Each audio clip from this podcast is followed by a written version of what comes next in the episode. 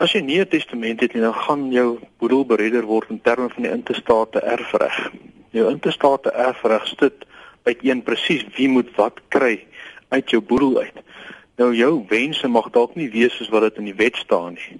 Jou wense mag dalk nie wees dat dit verdeel moet word tussen jou ma en pa nie of tussen jou broers en susters nie. Een mag dalk baie ryker wees as die ander een of jou ma en pa dalk geskei en jy wil dalk net hê jou boedel moet na een persoon toe gaan. So jou testament sit uit een presies dit wat jy wil hê.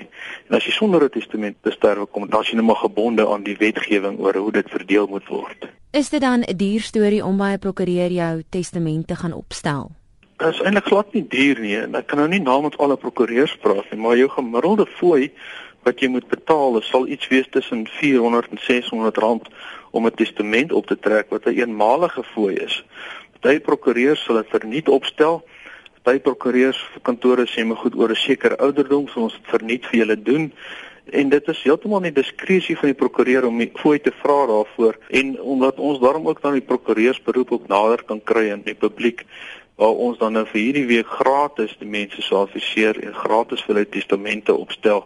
Ek dink dis maar basies die die meeste prokureurs sal hierdie week wat deel is van die veldtog vir jou verniete testament opstel. Sosiale media sal jy ook ten opsigte daarvan voorskrifte in jou testament kan maak. Dis nie noodwendig net waarheen gaan jou geld nie, maar wat ook gebeur met jou Facebook profiel, jou Twitter profiel. Sal jy sulke voorskrifte ook kan insit?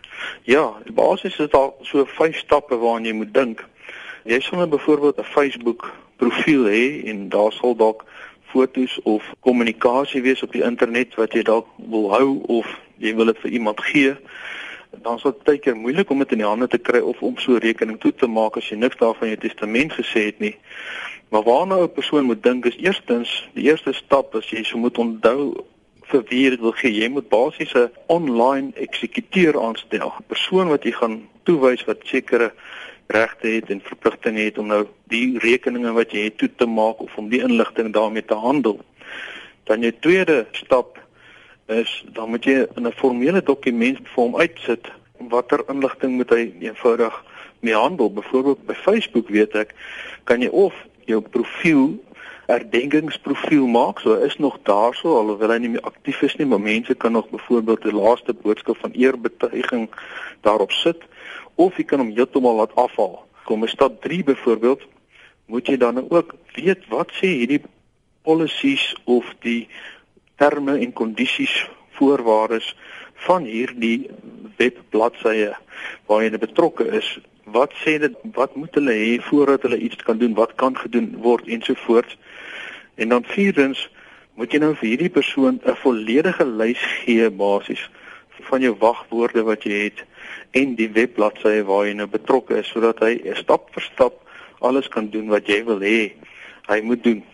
En in sekere gevalle, is nou stap 5, moet jy dalk daar inskryf in jou testament dat hierdie persoon moet gemagtig wees om 'n doodsertifikaat in sy besit te hê. Want byvoorbeeld op Facebook wil hulle hê jy moet 'n doodsertifikaat kan van 'n bewys uh, gee om te bewys dat die persoon oorlede is. Daar sekere fotos dalk wat jy nie vir enige iemand wil wys nie, dit moet net eenvoudig gedelete word. En daar's ander fotos wat jy weer vir jou ma sou wil gee of jou pa of jou geliefde wil gee. Dit moet jy redelik in detail uitstip as jy wil dan nou met jou eksekuteur dat hy presies weet wat hy moet doen vir jou.